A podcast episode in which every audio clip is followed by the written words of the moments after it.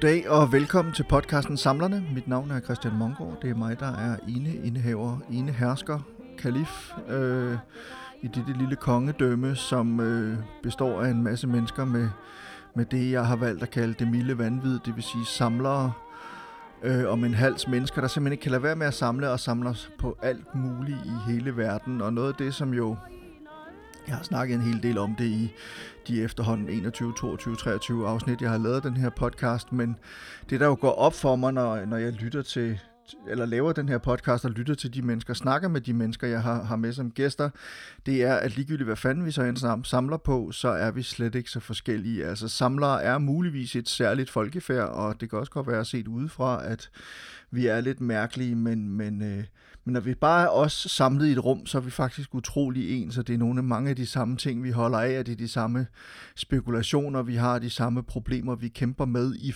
ikke så meget personligt, men i forhold til netop det her med at samle. Og, øh, og derfor, jeg, når jeg plejer at sige, at, at, det, at det er altid spændende at finde ud af, om, om dagens gæst øh, øh, har det på samme måde, som jeg har det, og om vedkommende også lider af det milde vanvid, som jeg selv synes, jeg lider af øh, så er det jo i virkeligheden løgn, fordi jeg ved, at vi alle sammen lider af det der milde ved Alle vi er supersamlere, vi er lige tosset alle sammen, og det er jo noget af det, der gør det så fedt at lave den her podcast. Det er så fedt at sidde og snakke med ligesindede mennesker, som er dykket ned i et eller andet, og som er fascineret af noget, og passioneret omkring noget, fordi det er noget af det, der er med til at give i hvert fald mig øh, passionen omkring min, min, mit eget samleri, og i det hele taget øh, øh, det at have ting stående på hylden, og, og hele den der taktile, fysiske fornemmelse, der også ligger i ved at samle på ting, og, og alt det historiemæssige, historiske, historiemæssige, øh, det der med at være en del af en fortælling, en fortsat fortælling, og sådan noget, som, som jeg synes, man, man bliver og er, når man, øh, når man samler, i hvert fald når man samler på fysiske genstande. Nu har der været en hel del her på det seneste i medierne om kryptokunst, og det er jeg ikke sikker på, at jeg nogensinde lærer at forstå og samle på, øh, på etter, ettaler og nuller, øh, også selvom det så er vandmærket og på den måde original kunst, ligesom så meget andet original kunst. Men der er et eller andet det med de fysiske genstande, som jeg synes er så forførende og så charmerende og så lyksaliggørende, at, øh, at, øh, at jeg tror, det vil altid være der, hvor, hvor min store interesse ligger. Og med alt dette vrøvl øh, bag os, så kan vi nu øh, se frem imod dagens gæst, øh, som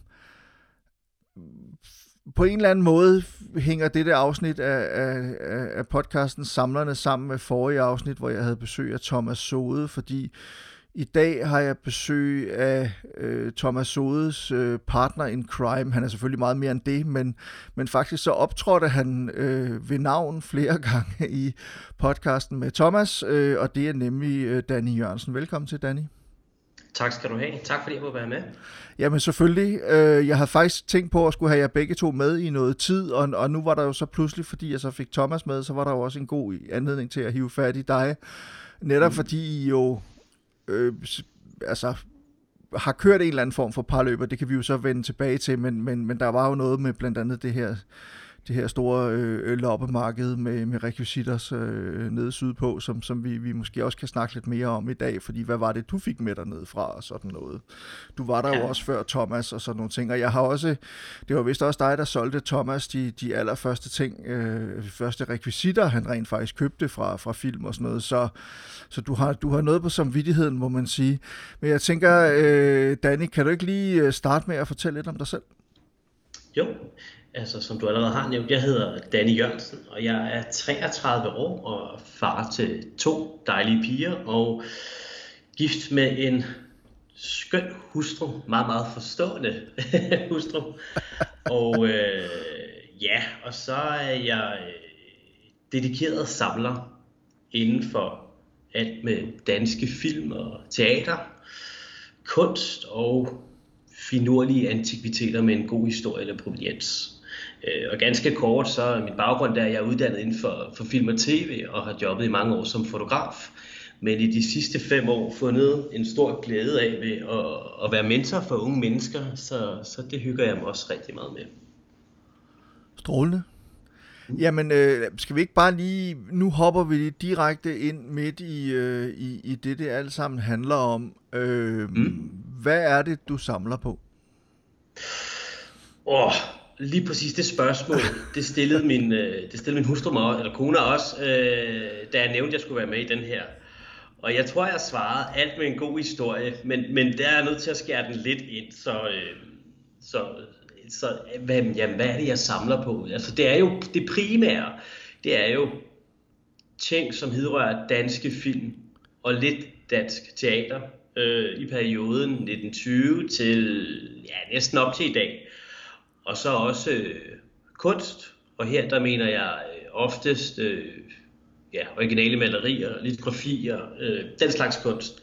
Så ikke noget af det, du nævnte tidligere i introen i forhold til de krypto, det, det er ikke lige mig, vil jeg sige. Der er ikke noget til endnu. Og så ellers øh, finurlige antikviteter, som, som, ja, som kunne have en god historie. Hvad kunne det så være? Det kunne være en bærekringle, som var hængt i Kolding for eksempel, fra starten af 1900-tallet. Fordi jeg, jeg har et eller andet med bager og slagter. Jeg ved ikke, hvad det er, men der er et eller andet, der er et eller andet dragende ved det, når jeg kører forbi en bager. Jeg ved godt, det, det skal jeg måske ikke sige højt, men altså, jeg synes, det er meget hyggeligt, at der stadig er... Øh, at de stadig eksisterer i dagens Danmark et eller andet sted. Øh, ja. Men, men, det er jo også, jamen det er interessant, du snakker om det der med det der sådan det bagerskilt, fordi det var jo netop i, i gamle dage, kan man sige, ude foran mm. bundmageren, eller skomageren, eller frisøren, eller slagteren, mm. eller bageren, som du siger, der hang der de her ja, nærmest, altså det var jo ikke bare skilte, det var jo nærmest figurer, ikke? kunstfærdigt mm. udformede figurer eller symboler, som på en eller anden måde ligesom man meget hurtigt kunne afkode, her er en slagter eller en bager eller en skomager. Ja, altså, lige præcis. Og, og, og det, det kan jeg godt også se attraktionen i, fordi for det første er det jo sådan et stykke brugskunst, for det andet er det jo også noget historie. Altså jeg tænker også, det, det er sådan... Mm det er vel, altså, der, der, det lyder allerede som om, du er sådan meget direkte, ikke kun i forhold til filmrekvisitter eller teaterrekvisitter for eksempel, men meget direkte i forhold til det med historien, godt kan lide ideen om at holde noget i live, eller føre noget videre på en eller anden Helt måde. Helt klart. Helt klart. Altså, jeg tror, det, det, det er lige præcis historien, der, der har en stor interesse. Og hvis ikke jeg kan koble det på noget historie, øh, så tror jeg ikke, det skal ind, ind til mig. Altså, hvis ikke jeg kan koble det på et eller andet. Øh, uanset om det er et bærekringle, eller om det er en, øh, et originalt klaptræ, eller om det er øh, nogle af de andre rekvisitter, vi måske skal snakke om senere. Det er meget sjovt, fordi jeg, altså en af mine egen seneste samlermani, jeg tror nok, jeg har nævnt det i et tidligere afsnit, men det er, at når jeg ser en film, gerne en mm. ældre film, også en nyere film, hvor der optræder en tegneserie eller et kulørt hæfte af en eller anden slags, så prøver jeg at få fat i ikke den det hæfte, der blev brugt i filmen, men et tilsvarende. Altså, for eksempel, sjovt. når man kommer hjem til, hvad hedder han, øh, stuntmanden Cliff Booth i Once Upon a Time in Hollywood, øh, mm. øh, hvad hedder det, øh, Tarantinos seneste film, så ligger ja. der hjemme i hans trailer to tegneserier, ki, hvad hedder den, Kid Cold og Sergeant Fury. Og mm. dem har jeg simpelthen begge to købt hjem fra USA. I The Ice Storm optræder der et helt bestemt nummer af øh, Fantastic Four. Det nummer har jeg også skaffet. Øh, en gammel film med Audrey Hepburn, som sådan en kubfilm, øh, øh, som foregår delvist i Paris. Der ligger hun på et tidspunkt på en seng og læser i sådan et gammelt fransk hæfte med historie mm. præsenteret af Hitchcock. Det hæfte, det har jeg også skaffet. Det seneste, jeg har, det var, at jeg sad og genså uh, Back to the Future her forleden dag, og nu er jeg i gang med at mm. skaffe nogle af de der amazing stories og fantastic stories, de hæfter, som George McFly han læser, og som jo virkelig får hans fantasi på overarbejde der, hvor, hvor mm. øh, ja, hans senere søn øh, Marty kommer ind øh, iført sin, øh, sit hazmat-suit og lader som om han er Darth Vader, rumvæsenet, der skal overbevise ham om, han skal gøre noget bestemt der midt om natten. Ikke? Og der ser man i meget korte glimt nogle forskellige hæfter fra nogle bestemte tidspunkter. Og der er jeg simpelthen freeze-framet, fundet ud af præcis, hvad det var for nogen, og nu er jeg så i gang med at skaffe dem hjem fra, fra, fra, fra udlandet. Nej, hvor er det nørdet. Hvor det... Men der er også en rød tråd i det, kan jeg høre. Det er jo fedt. Ja, men der er netop en rød tråd, rød tråd i det, fordi det har, jo, altså det har jo noget at gøre med det der med at mindes noget, altså det, det vækker jo både mindelser om filmen, samtidig med, at det også er et objekt i sig selv, det man mm. får fat i. Og, og ikke nok med, at det er et objekt i sig selv, der er blevet brugt i en film, det er også et objekt, som så er brugt og som jeg får fra en eller anden, som måske har fået det fra en tredje osv. Så, videre. så der bliver sådan helt, og nu snakker du selv om det der med mm. proveniens, det er ikke fordi, det har så meget med proveniens at gøre, men, men proveniens er jo det der med, hvor stammer tingene fra, og hvordan er de nået hertil. Mm øh, ja. hvor vi befinder os i dag og sådan noget. Jeg kan godt lide det der med, at man på en eller anden måde pludselig er en del af den der kæde og den der historie og sådan mm. noget. Men det var sådan et lang sidespring for ligesom at sige, at, at, det, det er sådan noget, det jeg selv synes er sjovt, og det, og det, det, det er sådan noget, det jeg kan, jeg kan ligesom sådan sidestille lidt med det der med, når du køber de der skilte, som du snakker om nu, for eksempel der sådan et mm. bagerskilt. Udover det sikkert er, fordi du også er glad for kager, så, så tænker jeg, at, øh, at, at der er, jeg kan godt, jeg kan, jeg prøve at høre, jeg, og det er sådan noget, jeg skal passe på for mig selv, fordi hvis, hvis, hvis jeg nu bliver alt for begejstret, nu du og jeg, vi sidder og snakker her, Mm. Så lige om lidt, så sidder vi og byder hinanden op på en eller anden auktion over et eller andet slagterskilt ja, fra, fra 1930'erne, ikke? Øh, jo, præcis, fordi jeg kan ikke præcis. styre det. Men, men øhm, jamen, jeg synes, altså, det, det, nu hvor vi alligevel så er nået dertil, så lad os lige prøve at springe lidt tilbage. For jeg kunne godt tænke mig at høre lidt mere om, hvordan, altså, altså den interesse så er kommet, fordi det er jo, mm. altså en ting er den populære kulturelle interesse, hvor det handler om film og teater for eksempel. En anden ja. ting er netop, når det er, som du siger, de her historiske genstande og sådan nogle ting. Kan vi prøve at springe mm. lidt tilbage? Kan du fortælle lidt mere om, hvordan du blev samler? Det, det kan vi godt, og jeg, jeg er jo øh, siden jeg blev inviteret til den her podcast, så var jeg jo nødt til sådan at tænke, hmm, hvordan startede det egentlig? Og øh, sådan rent samlermæssigt, trods min øh, forholdsvis unge alder, 33, så har jeg allerede holdt sølvbrøllup, kan jeg regne ud, fordi jeg startede faktisk med at samle for 28 år siden. Øh, det var i 93, øh, og det kom så af, det var, det, det var ofte ved et tilfælde, noget sker. Men øh, min bror og jeg, vi fik et kassettebånd, og på den ene side, der var der Bamse og Kylling, hvilket det var det, der var tiltænkt. Øh, og på den anden side, der var der et nummer med, med Michael Jackson med Bad. Og det kunne altså noget andet end uh, Aske Bensons, hvis det er ham, der har lavet den, tror jeg det er, intro til Bamse og Kylling, du ved, den man kender. Og så vendte man den lige om, og så var vi ellers i gang, ikke? Albumet fra 87 med Bad, og jeg tænkte, wow, det er noget helt andet det her. Og så det startede faktisk med, at min, uh, min søster, vi har også, vi har en storsøster, hun gav os et udklip med, med Michael Jackson, og sagde, at uh, værsgo, det, øh, så kan I samle på ham og være fans. Så det var helt den der idoldyrkelse, det faktisk startede med. Øh, så det gjorde, at vi fik et udklip fra 93, og der, dengang, der, der var han jo også, øh, der var han hvid i huden. Og det næste klip, vi så fik, det var dengang, der var noget, der hed Mix. Det der blad, der hed Mix, det kender du sikkert også, kan du huske fra 90'erne så fik vi et blad fra, eller et, et billede fra 70'erne, hvor han var afro, og så, så sagde vi til min søster, det her, det er fandme ikke Michael Jackson. Vi forstod det ikke rigtigt i en alder af 6, men det lærte vi så senere, hvad det gik ud på. Så det startede med 90'ernes idoldyrkelse, og, øh, og det har holdt vi lige siden den kærlighed til, til musikken, men, men så, har man, så er der koblet flere interesser på, sådan lidt løbende, sådan som man man har en kærlighed til rigtig mange ting, men, men, og det oplever jeg også i dag, så kan jeg få sådan en opblomstring, og så kan det være i 7-8 måneder, at jeg dyrker det, så ligger jeg det lidt på hylden, og så er det noget, noget nyt. Så, så stille og roligt, så blev det overtaget til, øh, til frimærker og til mønter, men, øh, men det sådan startede for alvor, sådan hardcore, det er også, det, det fortsat, det var noget, det var da Space Jam kom i 97, da hele den der basketballkultur kom øh, kombineret med noget hiphop. Og der kan jeg huske, at vi samlede på basketkort. Det var ret populært i 90'erne. Og øh, dengang boede min bror og jeg i Næstved, og vi tog øh, toget ind til noget, der hed US Style, som var sådan en hiphop butik, tøjbutik, men også solgte øh, kort. Og der købte vi en kasse med 10 pakker i, hvor i hver pakke var der et signeret kort. Og øh, den, tog vi, den bestilte vi så, og var inde og hente den med toget. Meget øh, rimelig vildt alligevel, alligevel at gøre det helt fra næste. Vi tog vi så tilbage igen, og så åbnede vi den sådan langsomt, siger lidt pakke for pakke. Øh, hvis nok i 8. eller 9. pakke. Så, øh, så vender vi den om, fordi vi vil ikke have autografen først, den vil vi have til sidst.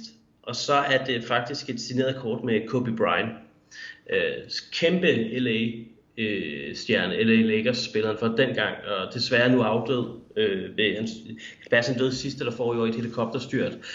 Øh, så det fik jo også minderne frem, jeg har stadig kortet derhjemme. Altså det er sådan et signeret Sage-kort fra 99-2000, det siger lidt om tiden, men øh, så det har jeg endnu, og det, øh, altså, det kan jo ikke beskrives, øh, altså sådan, selvfølgelig har det en værdi på markedet, men, men affektionsværdien for mig er endnu større, så det beholder jeg, for det er en keeper. Og så langsomt, så gik det øh, stille og roligt over i nullerne til, der begyndte jeg sådan rigtigt at dyrke de danske film. Jeg har gjort det hele min barndom, og altså nærmest øh, fået det med modermælken. Men begyndte også sådan for alvor sådan at samle lidt på film og teaterprogrammer plakater. Og så i 2006, så tænkte jeg, det kunne da være sjovt også at samle på autografer. Øh, så der så jeg, at Sonja Oppenhagen kom til Grønnegades kaserne i Næstved. Og øh, jeg tænkte, hende vil jeg da gerne have, for hun er med i min søsters børn. Så jeg så stalker, som jeg var, så tænkte jeg, tager bare op på cyklen, og så prøver vi. Og så bankede jeg på, og så var i gang med at forberede et stykke. Jeg kan huske ikke hvad, men, men jeg blev stoppet i døren, og dengang delvis kendte Lars Rante, som er i dag nu super kendt. Og han spørger, om jeg har et ærne, og jeg, jeg lyver lidt for ham og siger, ja, jeg har en aftale, og det gået jeg en aftale, men jeg tænkte, jeg er nødt til at, til at prøve, øh, om jeg kunne møde Sonja Oppenhagen. Ja, men øjeblik. Og så kom hun ud efter, så fik jeg så mit første autograf af Sonja Oppenhagen. Og siden er det så blevet til flere, ikke? Øh, og så, så har det så udviklet sig til, at det, ja, øh, at det så løs stille og roligt øh, manuskripter og lidt mere sjældne samleobjekter, rekvisitter, Øh, og så, så løbende, så er der jo kommet mere på, kan man sige. Så jeg har holdt ved med danske film og teater, men, men de seneste 5-7 år er det så også blevet til noget, hvad kan man sige, også, også kunst. Så det er mange ting, jeg, sådan, jeg samler, men øh, mit hovedfokus er danske film, vil jeg sige, hvis jeg skal vælge. Hvordan, altså fordi din historie, altså når du fortæller om, hvordan du ligesom er blevet samler udviklingen i det, kan man sige, den minder jo om, om mm. mange andre menneskers, kan man sige. Altså det, det, det der, man, man starter med én ting, og så bevæger man sig over i noget andet, og så videre. Mm. Men, men det der jo så også sker for faktisk, jeg vil ikke sige, om det er langt de fleste mennesker, men det der sker for mange mennesker er, at de jo så på et tidspunkt, så dropper de samleriet igen. Så stopper yeah. de simpelthen bare med at samle. Så bliver de i gåsøjen voksne og fornuftige, og skal ud på øh, og have en uddannelse ud på arbejdsmarkedet, og måske have sig en familie, og hvad fanden ved jeg nu ellers, øh, og alt det der mm. pjat der, ikke? Øhm, men du holder jo. jo ligesom ved, altså der, det virker ikke nærmest ikke som om, at, altså det, det virker som om, at det er bare nærmest, og du, altså det er ikke fordi, det, der er noget negativt i det her, men det er bare eskaleret, om jeg så må sige, altså det er bare ja, blevet mere og mere mere. Sige, det, det, jeg har været vedholden i det, fordi det har givet mig en enorm stor glæde at samle, og som du selv øh, også har tidligere nævnt, øh, at det skaber et frirum på en eller anden måde. Øh, Øh, og det kan jeg meget godt lide, Øh, jeg kan huske, da jeg, men, men det har jo ikke som, altså, det er jo ikke alle, som, som anser samlere som værende populære. Jeg kan huske, i, da jeg gik i handelsgymnasiet midt nullerne, det var en forfærdelig tid med Burberry og masser af bruncreme for rigtig mange mennesker. Men der var det ikke øh, populært at gå på loppemarkedet, vil jeg lige sige. Det var det ikke. Alt det der med at gå på loppemarkedet, finde noget, og alle de øh, livsstilsprogrammer, vi ser i dag, det eksisterede ikke i nullerne. Øh, det gjorde det vildt ikke. Så, så, så da jeg fortalte der i 2G, at øh, i, hvad man havde lavet i weekenden, jeg havde været på loppemarkedet, så tænkte jeg, det var han er godt nok mærkelig ham derovre. Men, men igen, så har jeg også altid haft sådan en, øh, jeg har haft en meget stor stolthed omkring det, og en fandig voldsked. Så hvis folk har sagt, at jeg er underlig, jamen, så har jeg egentlig gået på klingen og, og dyrket det, fordi jeg synes, altså, Ja, det skal der også være plads til, og på en eller anden måde, så er den der lidt, øh, den lidt mærkelighed blevet, lidt, blevet det sådan lidt cool på en eller anden måde, fordi det, så det, var det okay at være samler, fordi at jeg var så passioneret og nørdet omkring det, så uanset hvad, så, øh, altså, jeg, uanset hvad folk tænkte, så var jeg sådan set lidt ligeglad. Fordi det, det skabte en glæde, som øh, jeg har svært ved at faktisk udtrykke på ord, når man samler. Mm. Jo, jo, må jeg, jeg, Ja, men helt sikkert, jeg, jeg har det jo præcis på samme måde selv, og, og altså op i røv med alle de andre fjolser derude, der ikke forstår det, øh, for nu at, at, at være helt ærlig. Øh, men det er faktisk en meget god pointe. Det, jeg har egentlig ikke tænkt over det, det har måske ligget der et eller andet sted, fordi at, at det vi jo har oplevet inden for de seneste, lad os bare sige 10 år, det er jo ufattelig mange ja, livsstilsprogrammer eller programmer om antik mm-hmm. samler, antik jæger, ja. både, altså ikke mindst, jeg elsker øh, Antik Roadshow og Antiks øh, mm. Road Trip, og sådan nogle af de britiske, altså dem BBC producerer, som jeg synes er helt fantastiske, og Cash in ja. the Attic, og hvad de hedder alle sammen, og der, og der er jo så stort set lavet danske versioner så af dem alle sammen, mere eller mindre, ikke? Mm. Og jeg har egentlig ikke tænkt så meget over det, men det er jo selvfølgelig også noget, som inden for de seneste, ja, især 10 år i Danmark, har været ja. med til at normalisere det at være samler på en eller anden måde. Altså det har gjort det mere accepteret. Ja, Øh, men, men for mig, det, jeg har altid set det som en form for identitet at være samler. øh, og stolt af det. Og på en eller anden måde, så var det, selvom man snakkede med klassens populære øh, tøser, eller piger, eller fyre, eller whatever, eller skolen, dengang, da man, da man gik i, i skole, der... Øh, det var som om, det var, altså man, man var, hvordan skal jeg forklare det? Altså fordi man var så passioneret omkring det, så var det faktisk okay, men der var ikke nogen, der, altså det var super mærkeligt, at når folk sagde, at man havde været på loppemarkedet, og det, kan, og det kan du jo ikke forestille dig i dag. Det er svært at forestille sig, at det har været, ikke har været ind at være på loppemarkedet, fordi også hele den der øh, recycling ting, det har jo ikke altid været der. Øh, men at der er tidsånden, ja, jeg, øh, tidsånden er ja, med os der, kan man sige. Ja, og man kan sige, på et eller andet plan, synes jeg, det var sjovere i gamle dage, fordi der kunne du stadig finde nogle fede ting til en overkommelig pris. I dag der er konkurrence større, som du også nævnte, så det er jo skide irriterende. og øh, jeg hørte jo her i din, hvis jeg må øh, lave en lille reference til dit forrige episode med Sode, at han fortalte, at han, øh, han bød på et, et manus på... Øh, ja, i, på, på nettet, øh, hvor jeg bød med. Altså lige starte med at sige, det var mig, der startede med at byde, og han bød mig op med 400 kroner, og så tænker jeg, nå, så, okay, så, okay, så, så er vi i gang i hvert fald. Og jeg tænkte lidt, altså, hvis han skal have den, det må han også gerne, så skal han fandme også have lov at betale. Så jeg, og selvfølgelig havde jeg fået det manus til prisen, så havde jeg også betalt, fordi jeg vil gerne give det. Men jeg slipper det ikke uden kamp. Øh, så det synes jeg er meget sjovt, så jeg grinede lidt af det, jeg tænkte, ja, du skulle bare vide så, men øh, det er fint. Hun kommer sandheden for en dag her. Ja. Lige præcis. Men det er rigtigt, der er jo, der er jo et eller andet, og det, det, igen, det er sådan et gennemgående tema i stort set alle de øh, episoder eller afsnit af, af podcasten her, jeg har lavet, det er det der med, at at tingene er jo selvfølgelig kun så meget værd, som folk vil betale for dem, men problemet er ja. også, at på grund af internettet, og når man står derude som, Altså, du er fuldstændig ret. Man kan stadig godt komme på et loppemarked, hvor man kan gøre et godt køb, fordi folk ikke mm. ved, hvad det er værd, eller også er de ligeglade, de skal bare af med skidtet. Men langt de fleste af dem, der har loppet, går på loppemarkedet i dag og sælger ting på loppemarkedet, de ved udmærket godt, hvad tingene er værd. Nogle gange så har de øh, sådan en lidt øh, opskruet øh, fornemmelse af, hvad, eller opfattelse af, hvad tingene egentlig er værd. Altså, at, at, at det kommer mm. op i et niveau, som det faktisk slet ikke kan bære, hvilket er lidt ærgerligt, fordi det, det, øh, ja, altså det gør markedet indimellem i hvert fald ret øh, træls.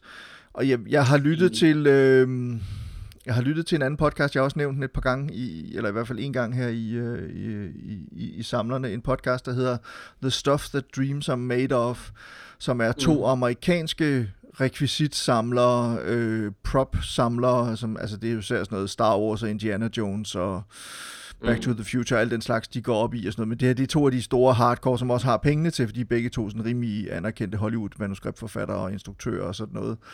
Og de har mm. så den her podcast, men hvor de også snakker om, at her i løbet af coronatiden for eksempel, netop fordi folk ikke har skulle bruge penge på at tage ud og rejse og alt muligt andet, altså dem, der så ikke, jo, og det er der jo så tra- på tragisk vis mange, der er gået fra hus og hjem og er blevet arbejdsløse og alt muligt andet, men altså dem, der ligesom har haft de penge, de normalt bruger på måske at gå ud og spise, eller ud og tage ud og rejse, eller gå til koncerter, eller sådan nogle ting, de har så haft penge til at købe på auktioner i stedet for. Jeg, jeg sad, øh, og, og det gør bare, tingene bliver meget dyre. Jeg sad forleden til sådan en stor øh, auktion over Disney-effekter, Disney-Anna, masser af ting mm. fra, øh, fra blandt andet fra Disneyland, helt tilbage gamle billetter og, og kort over Disneyland, og ja. gamle genstande fra Disneyland og sådan noget. Og de er priserne, og jeg havde sådan en beslutning for, at jeg skal fandme have noget med den her gang, og jeg endte med ikke at købe noget som helst, fordi priserne er simpelthen så vilde lige i øjeblikket. Mm.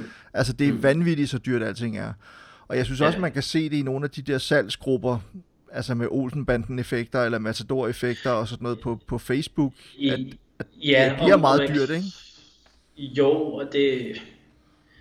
Ja, og jeg kan godt, øh, altså, jeg kan godt forstå dig, fordi, men igen, hvad, hvad koster ting? Jamen, det er jo det, folk gerne vil give, så hvis der er en, der gerne vil give 25.000 for en plakat, det så må det jo være det, der er prisen, hvis de gerne vil, og hvis, ikke, hvis folk kun vil give 5, jamen, så må det jo være det. Men, øh, men det er, altså jeg vil sige, de seneste år, heldigvis synes jeg, det er aftaget lidt, og det er dejligt, men her i forbindelse med, der, var, der har været ret meget støj i forhold til Olsenbanden generelt de sidste par år. Det tror jeg også, du ved kvæg den bog. Du har, du har lavet en meget fin bog, øh, som jeg i øvrigt har begge eksemplarer af, selvfølgelig. Så sådan. Som en ægte ja, samler. Ja, ja, selvfølgelig. Nej, og så, øh, hvad vil jeg sige med det? Jo, der vil jeg sige, at øh, det startede jo ned i, hvad det, kan det ikke passe, det var i, egentlig i Tyskland, at der startede en udstilling, og så tog Viborg den, så lavede de, blev de nødt til at inspirere, og så til sidst nordisk film hvor de så har udviklet, og jeg ved også, at I har talt lidt om det tidligere, nogle tidligere episoder, men, men hele den, de ringe, der blev skabt i vandet dengang, det gjorde jo også, at, øh, at folk lige pludselig øh, havde noget, de gerne ville sælge eller dele ud af, og så, øh, så sker der jo rigtig meget på, på markedet, kan man sige. Ikke? Men det gør jo også, at der kommer nye ting til, og jeg vil da sige, da filmen Dirk kom i 11, tror jeg det var, der i forbindelse med premieren, der kom der jo også nogle ret fede ting frem. Øh, så det er altid, når der sker noget nyt, så, så, så, så skaber det nogle, hvad kan man sige, nogle, nogle efterdønninger med sig efterfølgende. Og det er jo det, det, det, er jo det der er det sjove som samler, synes jeg, for det er der, man skal holde øje. Det er, når der bliver lavet rigtig meget larm, så det er ofte der, folk finder ud af, at de har et eller andet liggende i skuffen for resten, det de skal af med. Prøv lige at øh, fortælle mig, kan du komme med et par eksempler fra, fra Dirk øh, i forbindelse med Dirk-film, for det lyder meget sjovt. Ja, det kan jeg i hvert fald. Altså, øh, lige efter Dirks, den var jo også, der var ret meget øh, omtale omkring den, kan jeg huske, øh, fordi at der var mange, der var lidt uenige omkring filmen, og den synes jeg ikke, vi skal gå ind i. Altså, jeg synes, det er godt anbefale den. Men der var, øh, lidt efter, så, så var der nogle annoncer på Den Blå Avis, hvor der var en, øh, en dame, der i 60'erne havde vundet et signeret billede i et ugeblad, Øh, og det havde hun haft liggende i 30-40 år. Bare, altså, nej, altid, nej, der har hun måske haft længere tid, for det var i 64, den kom. Men hun vandt den tilbage i 64, og hun har haft den lige siden. Og nu synes hun egentlig bare, at den skulle afsted. Og jeg har aldrig set det før. Jeg har så set det på stykker siden. Men det var den første, jeg så, og jeg tænkte, wow, den er flot. Og den har jeg selvfølgelig nu, for den er meget, meget smuk.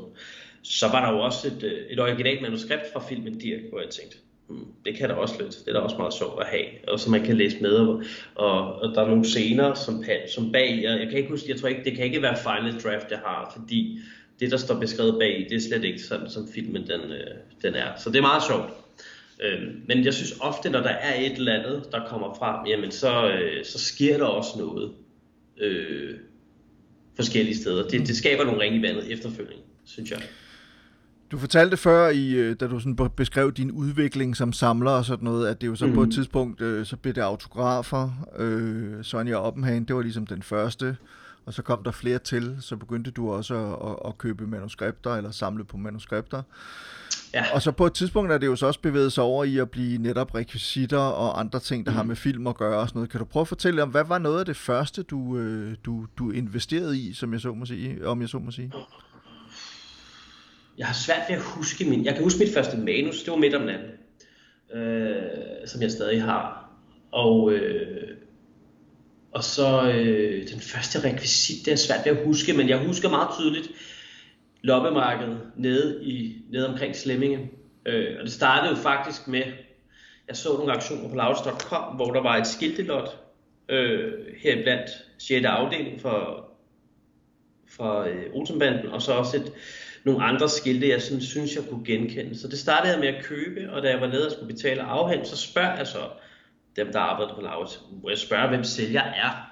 Og så sagde de, øh, normalt så må vi jo ikke oplyse det, men vi kan faktisk, men, men, men jeg tænker sikkert, hvis du har en føler eller en, noget ude, så ved du godt, hvem samler er. Men øh, ham, der har solgt, det er en, der hedder Henrik Køjer, som, øh, som har solgt rigtig mange ting nu her, og han starter et loppemarked, og det gør han i næste uge tænkte bare, wow, vildt nok.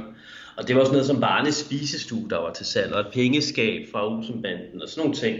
Men jeg købte så det lot, og så kom jeg hjem med det, og så tænkte jeg, om jeg har 6. afdeling, den ved jeg fra Olsenbanden. Og så begyndte detektivarbejdet i de andre.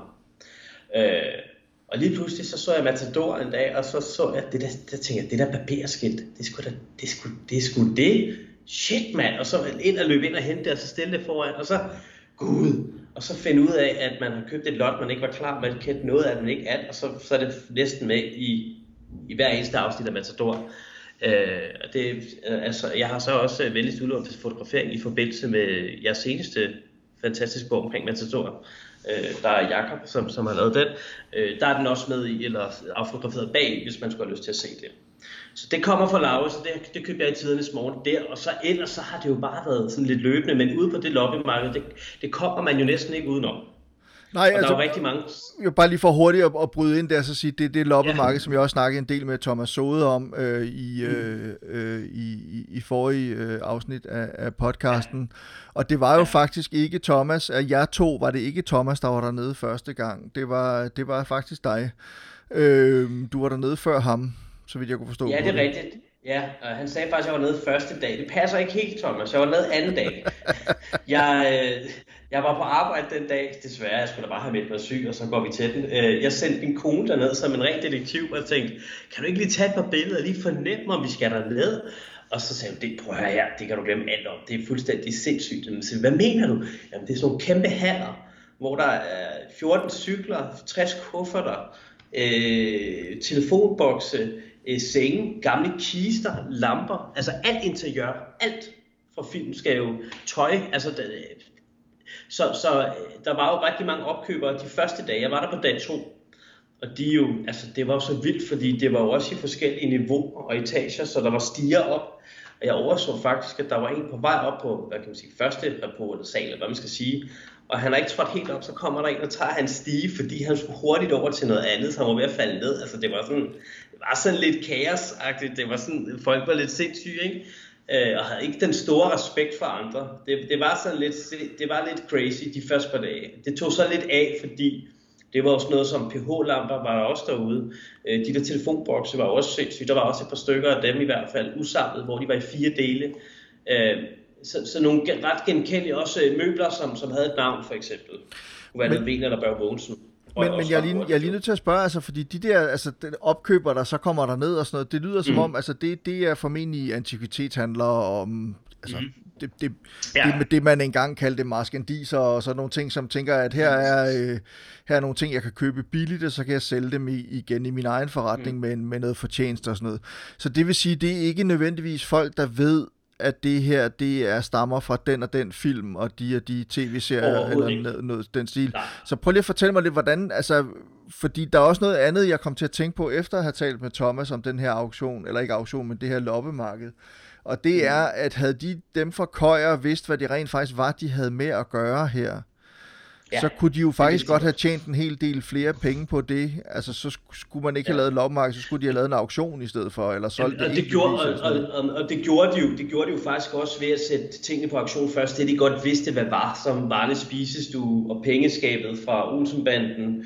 Øh, der var også nogle andre lot, øh, som, som de godt vidste, hvad var. Og så til sidst, så kunne man så, men der var rigtig, altså der var, som du selv siger, de opkøbere, heldigvis var de jo så uvidende, hvorfor de lod guldet være tilbage til os andre, hvis øh, jeg må være så fræk.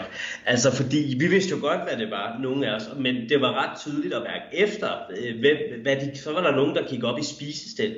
Ikke, ikke fordi de, de havde en relation til en film, men fordi de samlede på, på spisestel. Øh, så det var mange forskellige, men, men løbende har jeg fundet ud af, at der var, jeg var ikke den eneste, som, som var der af, med, med de øjne. Øh, men jeg lavede jo en kæmpe fejl ved at starte med at, først at gå hen til Henrik og så sige, hej, jeg hedder Danny, jeg samler på Matador, Olsenbanden og Husby Christianshavn. Hvad har du? Og så siger han, jamen jeg ved med sikkerhed, jeg har øh, et par stole stående dernede, dem ved jeg har været med i Matador. Så der gik jeg ned, og så sagde jeg, øh, hvad koster de? Og så sagde han, de koster så så meget. Jeg tror det var, det ved jeg sgu ikke, jeg kan ikke huske det, en, et 500 kroner stykke eller sådan noget. Så siger jeg, godt jeg tager alle sammen jeg tror der var tre eller fire. Øh, og så samtidig som jeg lige har købt og afregnet og betalt, så møder jeg Magnus Magnusson derude. Sjovt nok. Fordi han har jo om nogen må vide, hvad der ligger derude. Og så siger han til mig, du er godt klar over, hvad du lige har købt. Ja, det er præcis af den årsag, jeg har købt den. Så siger jeg, men det er ham selv, der har skaffet mit tidernes morgen. Og så har jeg jo så senere løbende set, at de er jo også med i Olsenbanden. De er også med i andre gamle danske film. Man ser, at de er meget karakteristiske. Øh, og en af de stole, det var faktisk, øh, det var dem, jeg, det var den første ting, jeg solgte til, til Thomas. Det var sådan en stol.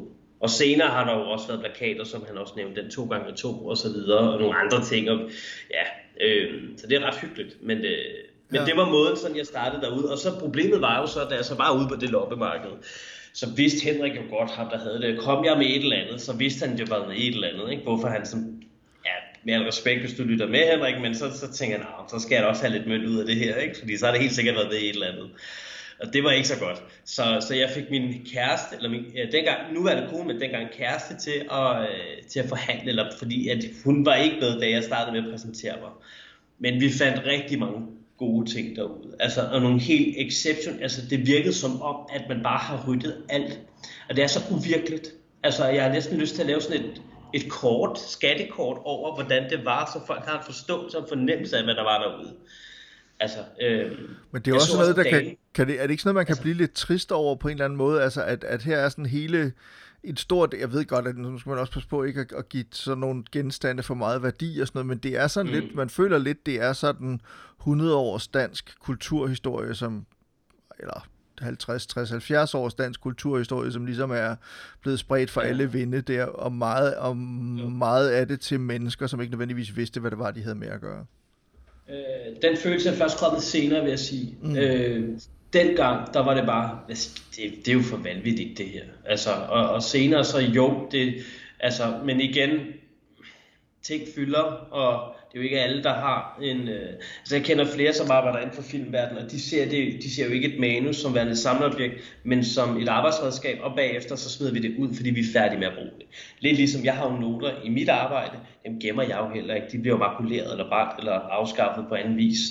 Øh, så, så, så jeg så, men jeg kan godt følge, jeg kan godt forstå mm. de spørgsmål, men, øh, men jo, selvfølgelig. Og jeg tror også, det var derfor, at Nordisk Film, da de skulle lave udstillingen her anden gang, eller lade det bygge den rigtigt op, at de var nødt til at tage fat i nogle samlere.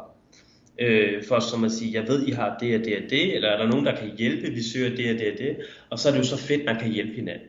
Og, og ja, det er altså, en, en, min egen lille parallel til det er jo, at nu har jeg øh, anmeldt film siden øh, 1993, så det er jo 8, 28 år. Og, øh, og ja. i den tid har jeg jo haft ufattelig mange sæt af billeder, altså simpelthen fysiske mm. papirbilleder, plus plakater, plus pressemeddelelser igennem hænderne. Og meget af det har jeg jo smidt ud undervejs. Ikke så meget billederne, men mere presmateriale og sådan nogle ting. Og jeg kan jo for eksempel ja. se på nogle af de der face, i nogle af de der Facebook-grupper, hvor folk handler med ting, der har med, med, med film at gøre, både danske og udenlandske film, der blandt andet mm. de originale pressemeddelelser, de bliver solgt for indimellem, jeg vil ikke sige svimlende summer, men det er der mere end, end, jeg, vil, end jeg fik, da jeg smed dem i skraldespanden i hvert fald. Ikke? Så, så det, det er sådan lidt ja. sjovt, den der fornemmelse, altså at man nogle gange måske ikke altid selv har været, selvom mm. jeg er supersamler, bare ikke har været bevidst omkring, at ting kunne rent Nej. faktisk godt gå hen og få en værdi, måske for nogle andre mennesker. Mm, præcis. Og det er lige præcis det. Og jeg lavede jo selv fejlen, for jeg har været med på nogle piloter her for 10-12 år tilbage, øh, i forbindelse med noget til TV2. Og der har jeg, så blev jeg bedt om at rydde op, og så var der dagsprogrammer, som jo bare røg ud. Hvor jeg så først, da de lå i skraldespanden, der kiggede jeg lige ned og tænkte, hvad er det, du laver? Og måtte, altså, så kiggede jeg lige, er nogen, der kigger? Ej, jeg tager lige et bag hjem, eller to bag hjem, eller et eller andet. Ikke, ikke fordi det er forbudt, tænker jeg ikke, det er. Kunne bare printe et nyt, men det var det, der var blevet brugt på sæt. Men, men jeg tænker, at man, der var man jo i arbejde mode, og derfor ikke tillagde en, en samlerværdi. Øhm, så ja, Prøv at fortælle mig lidt om, øh, hvis du vender tilbage til, til, til loppemarkedet dernede, det var dernede i øh, øh, sydpå, det, det var jo også noget det, jeg snakkede mm. med Thomas om, men altså han fik jo, han så noget af det første, han så, det var blandt andet Mads Skjerns kuffert, som jo så var blevet reserveret ja. af en, som ville give 4.000 kroner for den, og sådan noget, og så endte det med, at han selv fik købt... Øh, øh, Egon Olsens øh, dykkerdragt fra Olsenbanden i Jylland og sådan noget. Den fandt han jo simpelthen øh, der var ikke andre, der de havde identificeret den. Den lå nede i en kasse et eller andet sted, ikke? Ja, men det er jo vildt, ikke? Altså, jo. det er jo imponerende. Det er jo så fantastisk. Hvad fandt øh. du selv, udover stolene, som du snakkede om? Øh, jeg tror, noget af det, altså, jamen, vi fandt mange ting, men for at nævne nogle af dem, der er, der er selvfølgelig rigtig mange plakater, specielt plakater, men så øh, blandt andet øh, i et afsnit i Matador, der Herbert Schmidt laver et teaterstykke, der hedder Støvlerne, og der er der lavet to plakater, som hænger. Jeg kan ikke huske, om det er udenfor det nye teater. Det er lidt tvivl om. Men i hvert fald, der er en af plakaterne, de originale plakater, eller håndmalede plakater, hvis man kan sige det. Dem fandt vi, øh, når jeg siger vi, så er det fordi min, min kæreste var med, så, øh, så fandt vi, øh, på et tidspunkt, så en masse malerier, måske en, jeg ved ikke, sted mellem 100 og 200, og så står der en ko lige foran mig, og så kigger jeg på den, og så siger jeg til hende, det der, det er Poul Nielsens kald for huset Christianshavn. Jeg er sikker. Jeg er 100 p på det der. Det er den. Godt, vi tager den med. Og der var også nogle øh, øh ligesom vogne, hvis du er ude at handle, så nogle kunne man gå rundt med derinde, så, så man havde en vogn, og så lagde man bare tingene op, og så håbede man på, at man kunne samle øh, lidt til bunke og lave en god handel. Og, og derudover, øh, som jeg kalder Meyers ko, den er med i afsnit øh, 48, Nu stiger kunsten, og den har faktisk meget, meget stor rolle i, øh, i det afsnit. Jeg ved ikke, om du, du kender afsnittet, eller hvis man, men jo, den er ret vild, fordi Arthur Jensen tager den frem og har meget stor sympati for den ko, og de sidder og kigger på den og har, så den, den er ret sjov, og den er, den er ret vild, så den er jeg selvfølgelig super, super glad for. Øh, og derudover så var der også billeder, øh, et originalt billede af Bjørn Vand Bolsen, øh, hvor han er, øh, hvad hedder det, øh, fru Hammerstedts mand, øh, det der hænger på væggen, det fandt vi også derude. Øh, altså, og så tror jeg, noget af det lidt sjovere og lidt mere skæve måske, det er, at øh, min, min, min hustru Simone, hun siger, skal jeg til jer, hvis jeg er derude? Øh, Tom Hedegaard, er, er, det, er det noget? Og så siger jeg, ja for fanden, eller hvad, hvad mener du, hvad, hvad har du fundet? Og så var det sådan en, øh, en, et, en, øh, en gammel notesbog, ret tyk stor notesbog fra 1960, øh, en, en skriftbog med alle Tom Hedegaard. Det er faktisk før han er krediteret, men det var, det, det var helt han, hans hvad kan man sige, start eller ære startede der, er med i, øh, i og hvad, hvad hedder det, kan jeg ikke huske lige nu, det kan jeg lige finde ud af, men øh, det, den kommer til mig lige om lidt. Men der er alle indstillinger, kameraindstillinger, alle noter, i forhold til øh, Otto Brandenborg og Paul Rekhardt, øh, så, som blandt andet var med. Øh, Daimi var også med. Øh, der er også nogle originale tekster, som ligger inde i, som Otto har, altså, eller de i hvert fald har brugt, fordi jeg kunne se, der var noter på og skrevet lidt på. Så det er sådan en original skriftbog fra, fra 1960. Den er, den er ret vild, vil jeg sige, altså fordi det er så, det er så unikt. Altså det er så, du finder det ikke engang sted. Øh, min tossede dreng hedder den, der kom den til. Min tossede dreng fra 1900, jeg mener den fra 1960. Øh, så alle, alle noter i forhold til, hvordan kameraindstillingen skulle være, hvem skal møde der, hvem skal ind og sminkes, øh, alt sådan noget, alt det der bagom, man aldrig hører om. Og der, der står Tom Hedegaard, og så har han lavet tegninger af kameraindstillinger. Det er ret, den er ret interessant at kigge i. Jamen, den lå derude helt tilfældigt, og så der var også altså, så fandt jeg også et manus derude af, fra Sommer i Tirol, tilhørt Gytter Hansen, og sommer i Tirol har jo en speciel betydning for både mig og min, og min hustru, fordi at det var, øh, nu bliver det lidt nørdet, men måden vi traf hinanden på, det var faktisk, at jeg solgte lidt ud tilbage i tidernes morgen. Og det var faktisk hende, der købte de ting, jeg så havde. Øh, og på det ting, sådan, jeg havde jo forventet med al respekt for samlere igen, men jeg havde jo lidt en forestilling om, forudtaget indstilling til, hvordan folk så ud, når man samlede. Og jeg tænkte lidt, at jeg nok skulle møde en ældre kvinde i midt 40, slut 40'erne eller 50'erne, som var lidt træt at se på. Og så kommer der den, den smukkeste unge 19-årige kvinde, og jeg tænker, wow, kan man se sådan ud og være kæmpe fan af Dirk Passer? Det kunne man altså godt. Øh, så det slog benene væk på mig, og øh, lang historie kort, vi øh, begyndte at skrive sammen, og så på en eller anden måde, så den første film, vi så sammen, det var Sommer i Tirol. Og senere så, øh, så besluttede, eller så tænkte jeg, nu, øh, nu vil jeg skulle gøre det ordentligt, så jeg kontaktede, dengang boede jeg i Næstved, så jeg kontaktede Næstveds gamle biograf, der var også bygget i Nordisk Film, der var vist lige kommet. Men jeg kontaktede Næstveds gamle biograf og spurgte, om de kunne få sommer i Tirol hjem på 35 mm. Fordi så ville jeg invitere min, øh, min kæreste ind og se den alene, hvis man kunne det. Og så spørger han, hvilken sal? Så siger han, kan jeg få den store sal? Kan man det? Og sådan noget. Så siger han, hvad koster det? Så siger han, ja, normalt er det jo prisen, der, øh, eller filmen skal vi have hjem fra DFI. Og så udover det, så skal du købe ekstra antal, altså de sæder, der er gang billettens pris. Men altså, vi finder ud af noget. Så jeg fik lov til at lege hele salen i, i næste store, øh, øh, store sal, eller næste biografen, store sal, øh, så tror jeg, jeg gav, jeg tror, jeg gav 1800 kroner, og det var inklusive popcorn og sodavand, ikke? Men det var ret fint, for da den sidste forestilling så, og folk skulle ud, så står vi og venter, og så folk var sådan, hvad fanden skal I? Kører der sådan en mærkelig forestilling nu? Men det var ret fint, så vi fik printet billetterne, hvor der står sommer i Tirol, og så siger han, nu gør vi det lige ordentligt. Og så løb han over til døren, selvom vi var det eneste, der var i rummet. Han låste ligesom af for de andre, og så så ekspederede det også, og så siger han, må jeg se jeres billetter? Ja, så går I bare ind og tager et sæde, så går jeg op og sætter den på. Og hele den der, du kunne, du kunne høre, han satte den på, og den, altså det var jo, det var jo fantastisk, og det var jo før, at de blev digitaliseret. Så det var, det var ret vildt. Øh, og for at lave en sløjfe til det, så kan jeg fortælle, at vi blev gift i 2015, og på bryllupsrejse, der tog vi blandt andet ned til øh, Østrig og til Tirol, og, og overnattede på en af de hoteller, der er med i, øh, i min søsters børn på bryllupsrejse. De, vi fik fortalt, det var det hotel, vi fik fortalt, at det var hotel for, for, for sommertro, men det var ikke det hotel. Det er ikke det hotel, men det, var, det, det er faktisk, det, det, men det er til, de bor ret tæt på. Men hotellet er med i min søsters børn øh, på bryllupsrejse for 67, hvor at øh, Lisbeth, som spiller som Birgit Sabelin, hun bliver væk. Der kører de lige ned og vender. Det hotel, det er faktisk det der, øh, midter, eller Middag, hvis man skal udtale det rigtigt, hedder det som ligger i Salzburg. Øh, så det er totalt nørdet, lige sådan en sidehistorie, men øh, ja, så vi er jo lidt nørdet derhjemme, og derfor så har jeg også måske en lidt større forståelse for, for min hustru af, når jeg køber et eller andet mærkeligt, eller bytter noget andet, eller sådan noget. Ikke? Det er ret fedt. Hun kan godt se værdien i det simpelthen, ja. I den grad, i den grad, ja.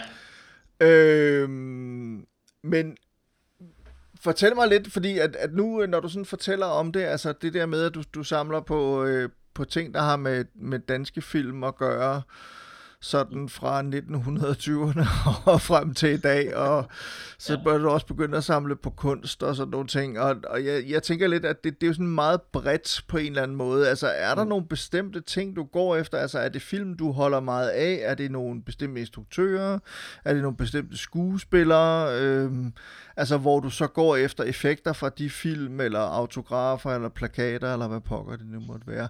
Ja, og og, det kunne og, det godt være. Ja, og så, og så et tillægsspørgsmål, det er, altså, sætter du, altså er der en, en, en skældning imellem, hvad du samler på, eller er der nogle grænser for, hvad du samler på i forhold til de enkelte film, altså sådan noget med, altså det, det er autografer, det er billeder, det er plakater, det er måske også presmateriale, øhm, og så er det rekvisitter, eller ja. Ja, det, det startede jo lidt med det hele, Christian, og så stille og roligt, så synes jeg jo, at almindelige plakater og pressemeddelelser og udhængsbilleder bliver lidt for kedeligt, hvis du spørger mig. Så derfor så er meget af det røget ud for at få noget endnu vildere ind. Og jeg hørte også Thomas sagde, at Danny han er jo sådan lidt en, nej det var ikke de ord han brugte, men, men, han, men jeg, er jo lidt en, jeg er jo lidt en mærkelig samler, fordi jeg sælger jo også ud i gang imellem. Men folk må forstå, at det er jo udelukkende kun for at få noget federe ind. Det har jeg jo bare ikke sagt til dem, jeg sælger til. Altså selvfølgelig, altså jeg sælger jo ikke ud for sjov skyld. Jeg er jo samler. Altså, det skal vi stadig huske på.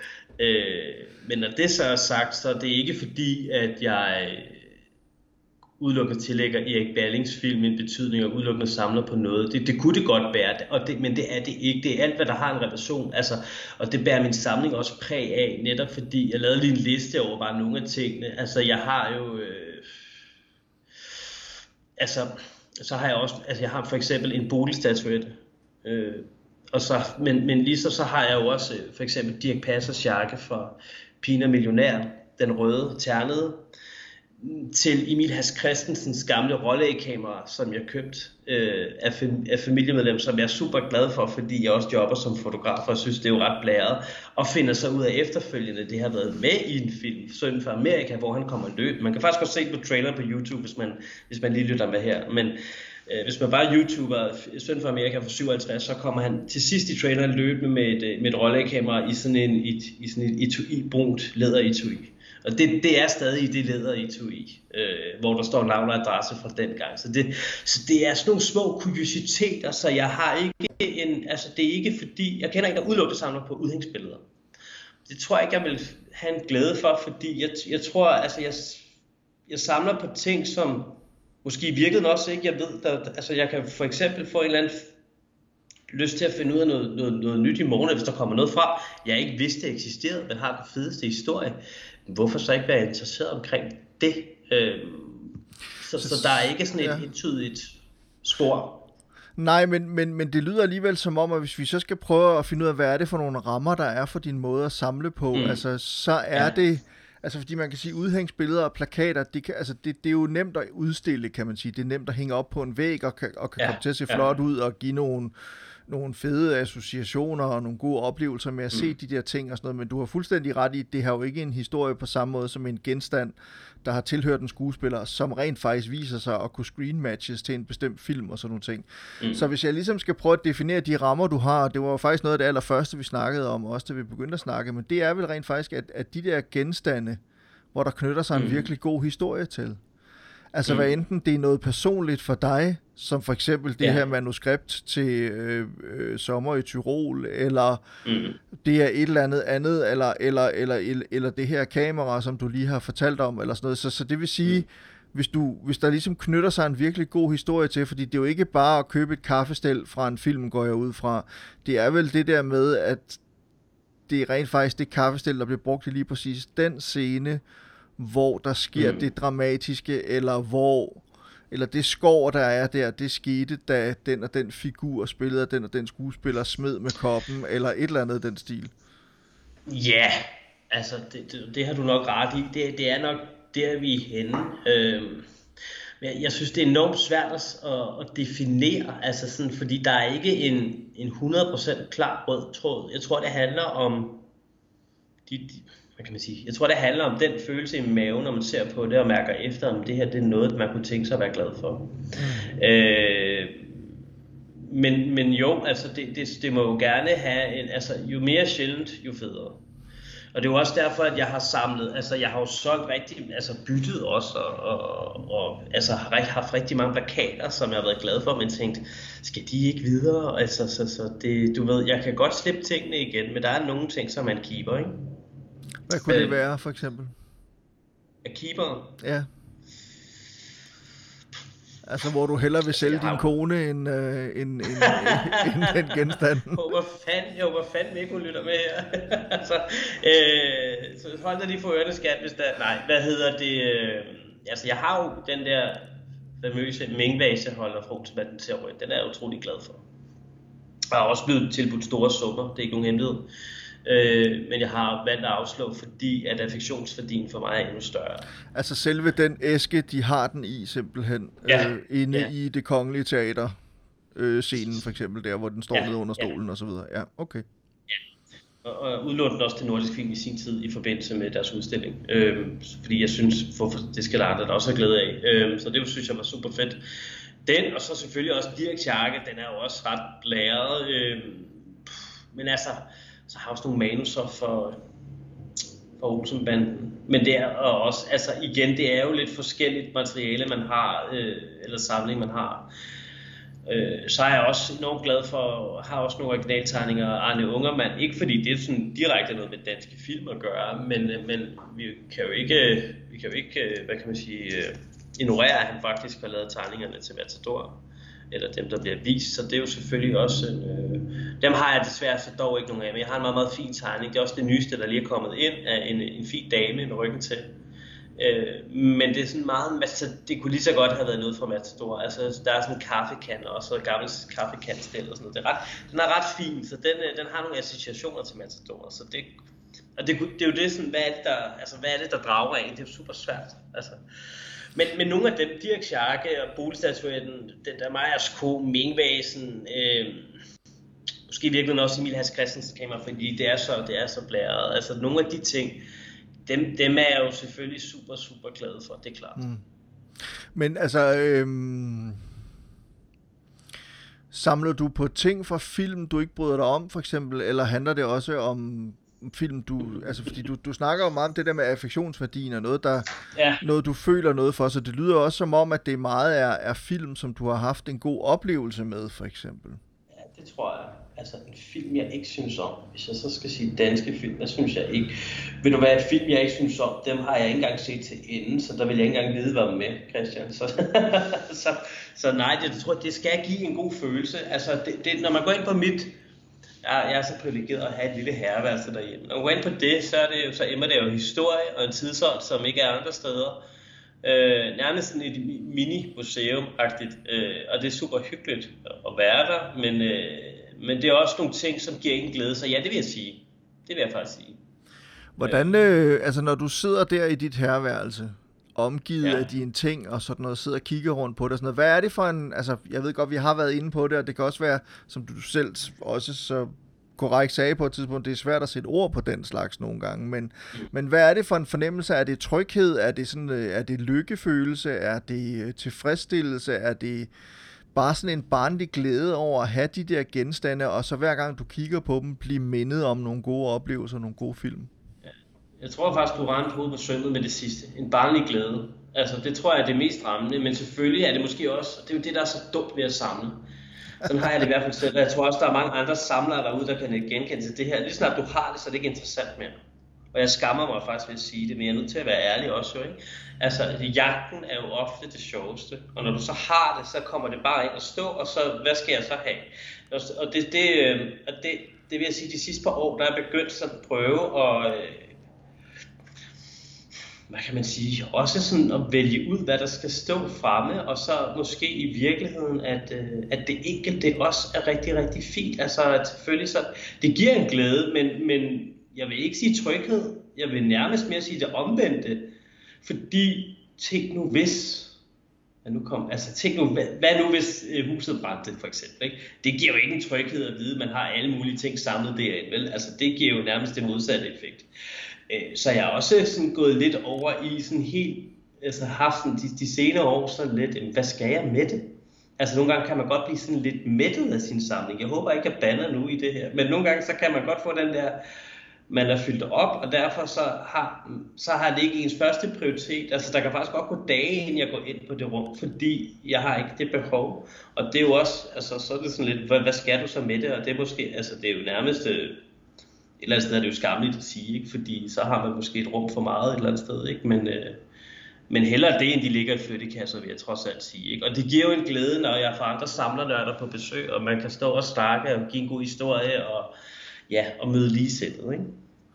Men, men, men det er interessant, jo, og det, det forstår jeg godt, altså det, det noget af det, som man jo også finder ud af det fede med en samling, det er det der med at få lov til at vise den frem, det ligger der altså også en stor mm. glæde i, og, og den der form for øh, godartet praleri, kan vi vel kalde det, ikke? Altså, at, at, at man ligesom kan vise, prøv at se, hvad jeg har, ikke? Altså, at man glædes mm. over det, man vil gerne dele den der glæde med, øh, med andre mm. mennesker. Men det er interessant, det der, du siger med, med jagten, altså det der evige adrenalinsus, mm. der ligger i, fordi jeg har det på præcis samme måde.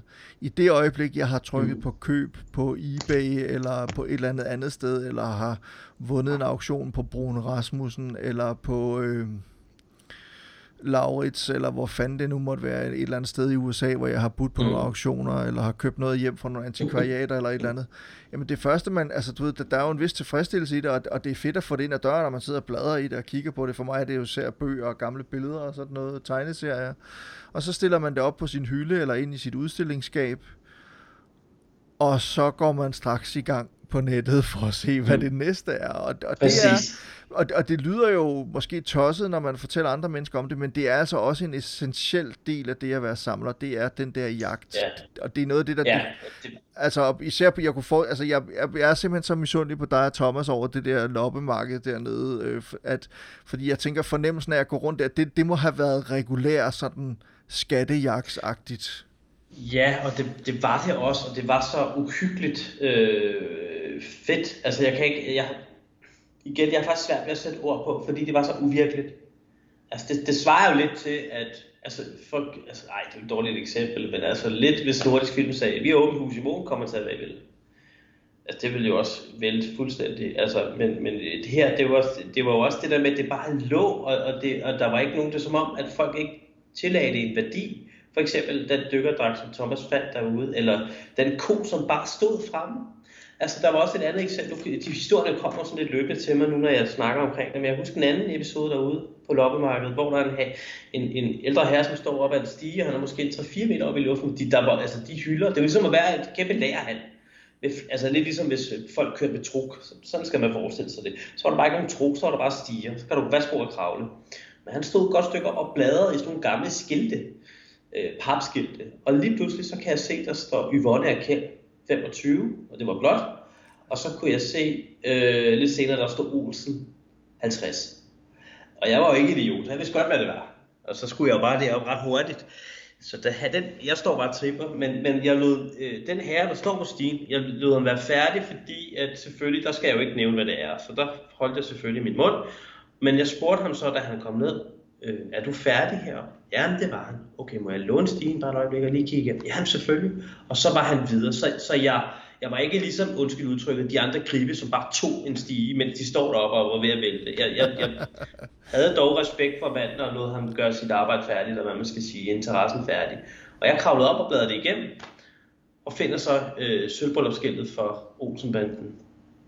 Øh, hvilket er helt sindssygt. Og så, som heldigvis er et rigtig godt sted i dag ude på Nordisk Film. Og øh, et andet skilt for Huspræsenshavn. Og det var, jo, altså, det var jo helt vanvittigt. De lå bare der. De lå der bare, hvor jeg tænkte, hvad, hvad sker der? Og så var der flyttekasser med gamle sygesikringsbeviser og gamle øh, kontrakter, ansatskontrakter. Der var også et, jeg tror også, der var et kørekort fra en fotograf, hvor jeg tænkte, ej, det bliver for mærkeligt, det lader jeg altså lige ligge. Det vil jeg, det vil jeg ikke bruge sig i, så det lader jeg ligge. Men det, det, var så, det var så surrealistisk at være derude, for det var så stort. Men det var også det, der var lidt fede, fordi det var jo sådan en, en jagt, og de startede i november, kan jeg huske. Det var sindssygt koldt. Så det var jo noget med derude, at, at komme ind fra bilen og være sådan klædt ordentligt på, og så gå i gang, og så kunne man holde maks en time til at lande ud. Så måtte man altså ud i bilen lige tænde for den og have varme, for det var sindssygt koldt. Og så igen ind igen, og så kigge. Og øh, hvor mange gange har jeg været der, det ved jeg ikke, 10-15 gange tror jeg. Og sådan. Men det var ret interessant, og til sidst så begyndte, der, der, der blev jo løbende, øh, det blev mindre og mindre, han var den samme, men der blev bare færre og færre ting, men der var jo øh, nogle ret vilde ting. Jeg så også en dame, som gik med, var lidt grådigt, synes jeg. Hun gik med en helt stak, der har i hvert fald været 20-30 poser, hvor der stod skærmsmagasiner. Og jeg tænkte, ej, så jeg spørger hende, ej, hvor fantastisk, du har fundet af dem. Øh, jeg ved godt, du, du har formentlig ikke købt dem. Ej, det havde hun ikke. Må jeg, må jeg købe en af dig? Altså, jeg har jo ikke købt den af stedet, men må jeg få lov til at, at købe en af dig? Og jeg tilbød en 500 kroner for at få en pose, hvor jeg så bagefter skulle gå op og forhandle, hvad prisen skulle være. Men det ville hun ikke. Så tænkte jeg, nå, det er fair nok, du har fundet det. Men det synes det var sådan lidt, ah, altså, øh, det, det, var sådan lidt, jeg tænkte, hold da op, hvad skal hun med alle de poser? Så, øh, men ja. og hvad har der ellers været? Jo, altså min kone, hun fandt øh, Ove Sprogøs dørskilt fra Huspræsenshavn, Larsen-skiltet.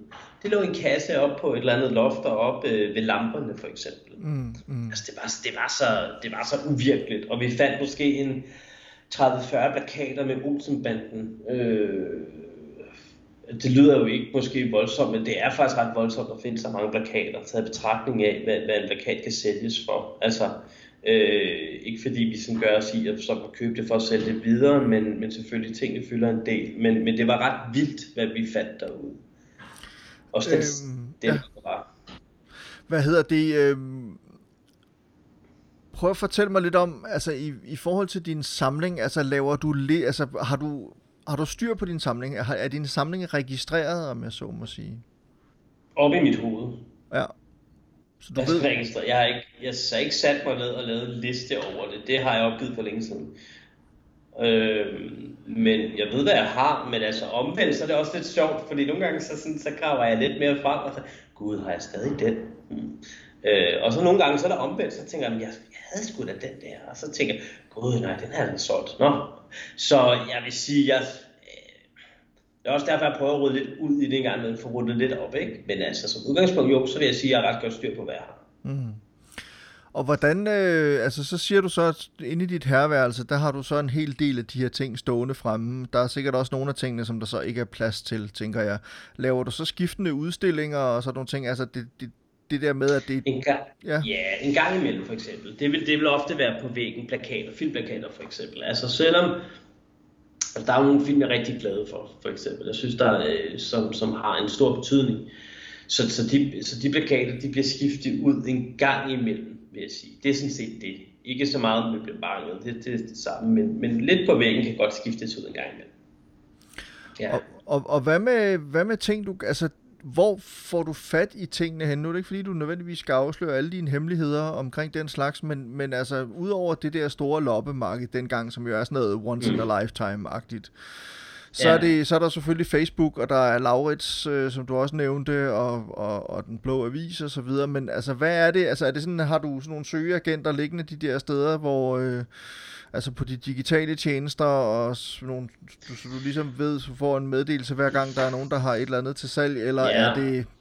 Hvordan gør du det? det sådan, jamen altså, i virkeligheden har du afsløret alle mine steder.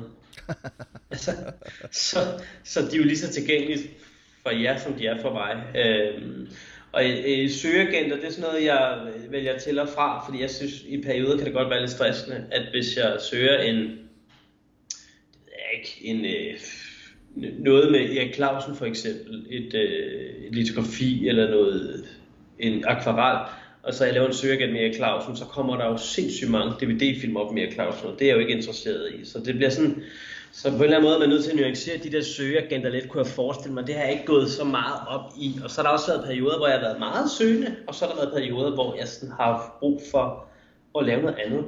Og, og, og i perioder, hvor jeg har haft brug for at lave noget andet, der har blandt andet, jeg ved, der er en anden øh, Olsmatten-fan, der fik fat i sådan en rød kuffert, super bladet, med autografer i, øh, som var en af de røde kufferter, der var med i filmen. Og det var i den periode, hvor jeg bare havde fået nok. Og ellers så, jeg, så kan jeg ret være sådan, jeg har rimelig meget fingeren på pulsen, men lige der, der havde jeg bare brug for luft. Så den gik til en anden side, og det synes jeg også er helt fint. Det må jeg indrømme.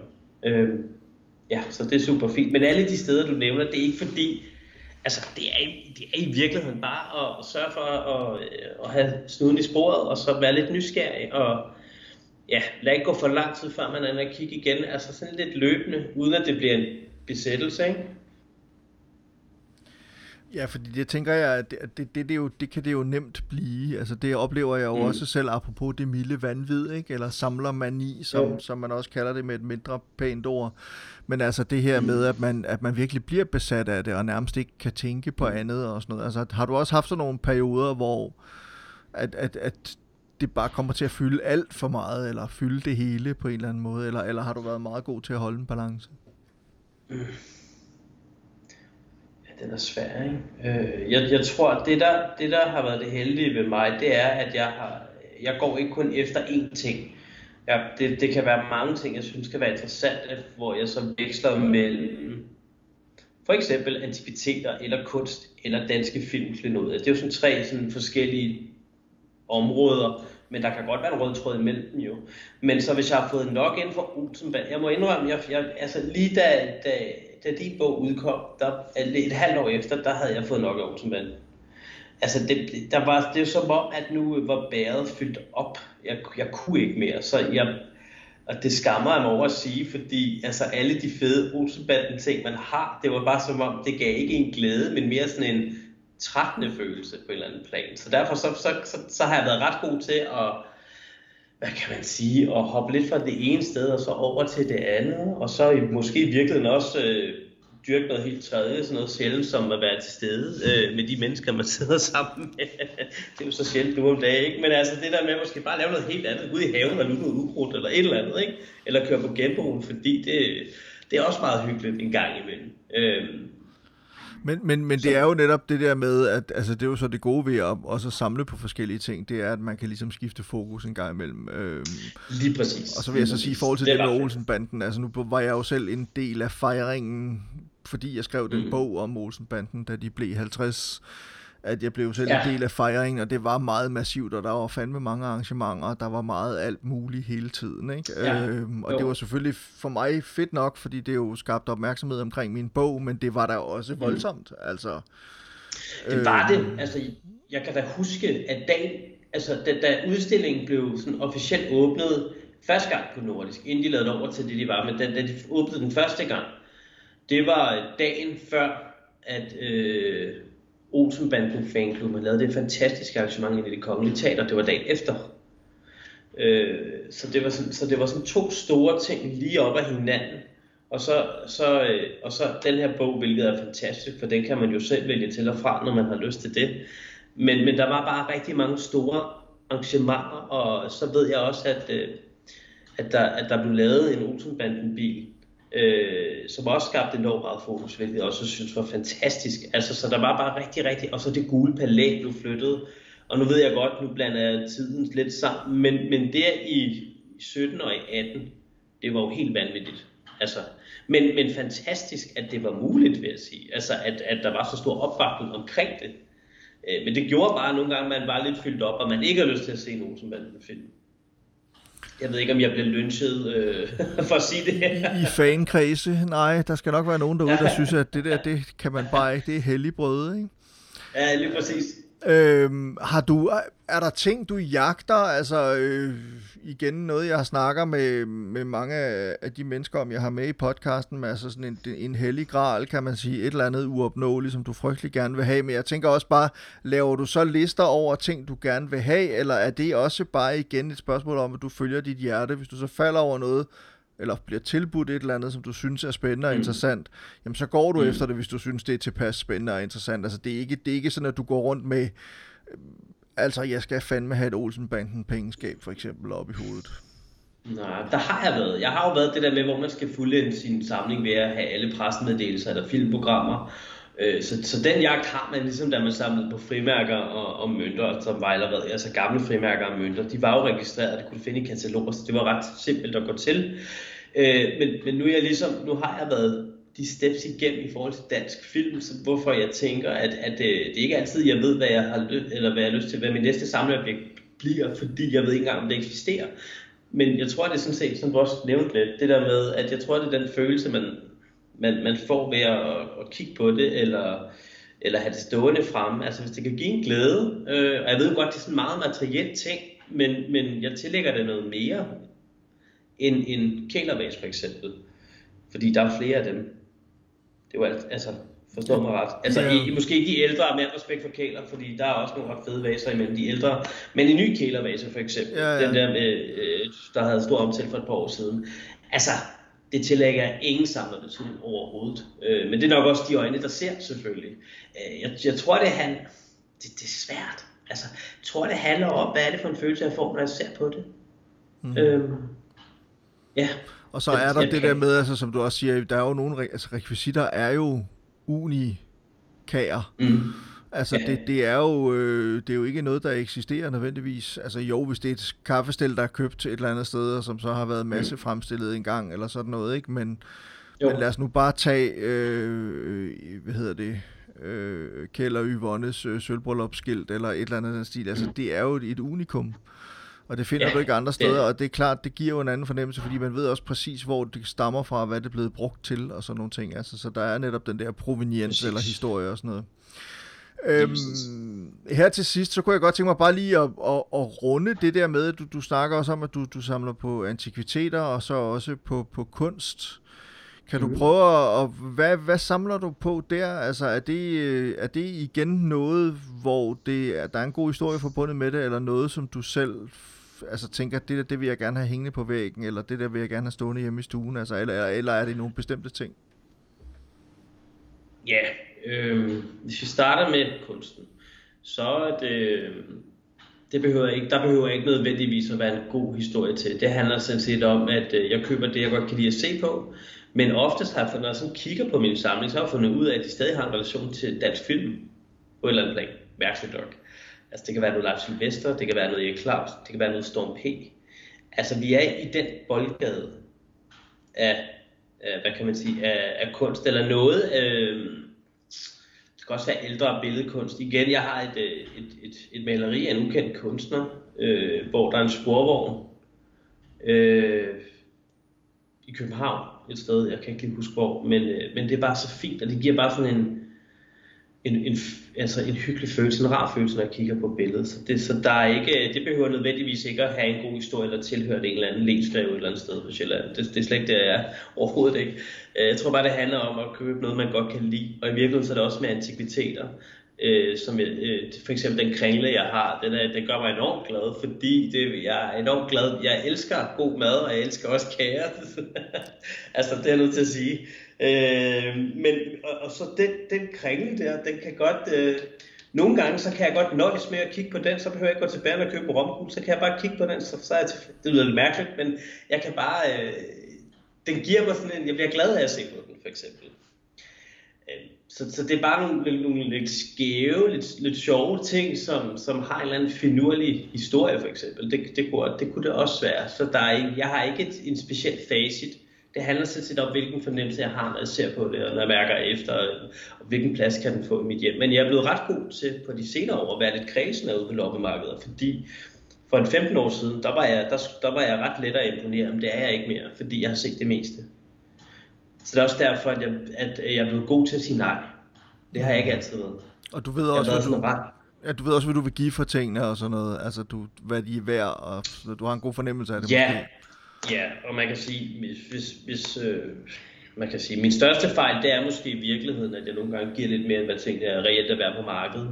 Men så handler det jo igen ikke om markedsværdien, om hvad jeg kan sælge det for igen på et tidspunkt, men om den kærlighed, man har til tingene, eller den affektionsværdi, man har for det. Fordi jeg har så stor respekt for, for det her område og for samlere, øh, så, så når jeg giver et bud til en samler, så, så, det, så, så vil jeg også gøre det med respekt, gensidig respekt. Øh, ja, jeg håber, det giver mening. Øh, så ja, derfor nogle gange, så kan jeg godt øh, måske give en halv gang mere, end hvad markedsprisen er, for eksempel. Øh, det, det, det er ikke nogen hemmelighed, men til gengæld så er det jo også det, der gør, at jeg har haft så meget i min samling. Øh, ja. Mm. Det er meget sjovt, jeg kom til at tænke på, at noget af det, jeg selv gjorde her, da øh, vi skulle bruge til Matador-bogen, til at kunne tage et billede af, vi havde brug for et Matador-spil. Mm. Men vi skulle jo ikke have et Matador-spil fra i dag. Vi skulle have et af de allerførste. Altså, de spiller jo simpelthen Matador i et af de, tidligst, i et af de tidlige afsnit. Mm. Øhm, så det vil sige, det er omkring 39-40 eller sådan noget, den stil skal det forestille at være. Ikke? Og spillet kom til Danmark ja. i 36, så vidt jeg husker. Og, øh, og der lykkedes det mig så faktisk at finde et på, øh, på den blå avis, øh, som var mm. med husene er lavet af træ, og bilerne er lavet af metal, og det er Altså rådhuspladsen koster 400 kroner, eller hvor meget det nu er, ikke? Altså de der, og de, og de gamle sædler, hvor det er ned til 10 kroner og sådan noget, ikke? Øh, mm. Men sådan noget, synes det har, og det, det, det, fik jeg så købt, og vi i Aalborg, og min medforfatters mor var ude og hente det og tage billeder af det, så vi kunne bruge det. Altså det var sådan virkelig, det forhåndværende serviceprincip, men det, det, det gamle spil har jeg så nu og sådan noget, og det, det er jo både i sig selv en genstand, som er sjov, fordi den er næsten 100 år gammel, ikke? men derudover mm. så er det også noget, som knytter sig lidt an til Matador. Det er ikke det spil, de sidder og spiller, men det er et, det kunne godt have været det agtigt. Mm.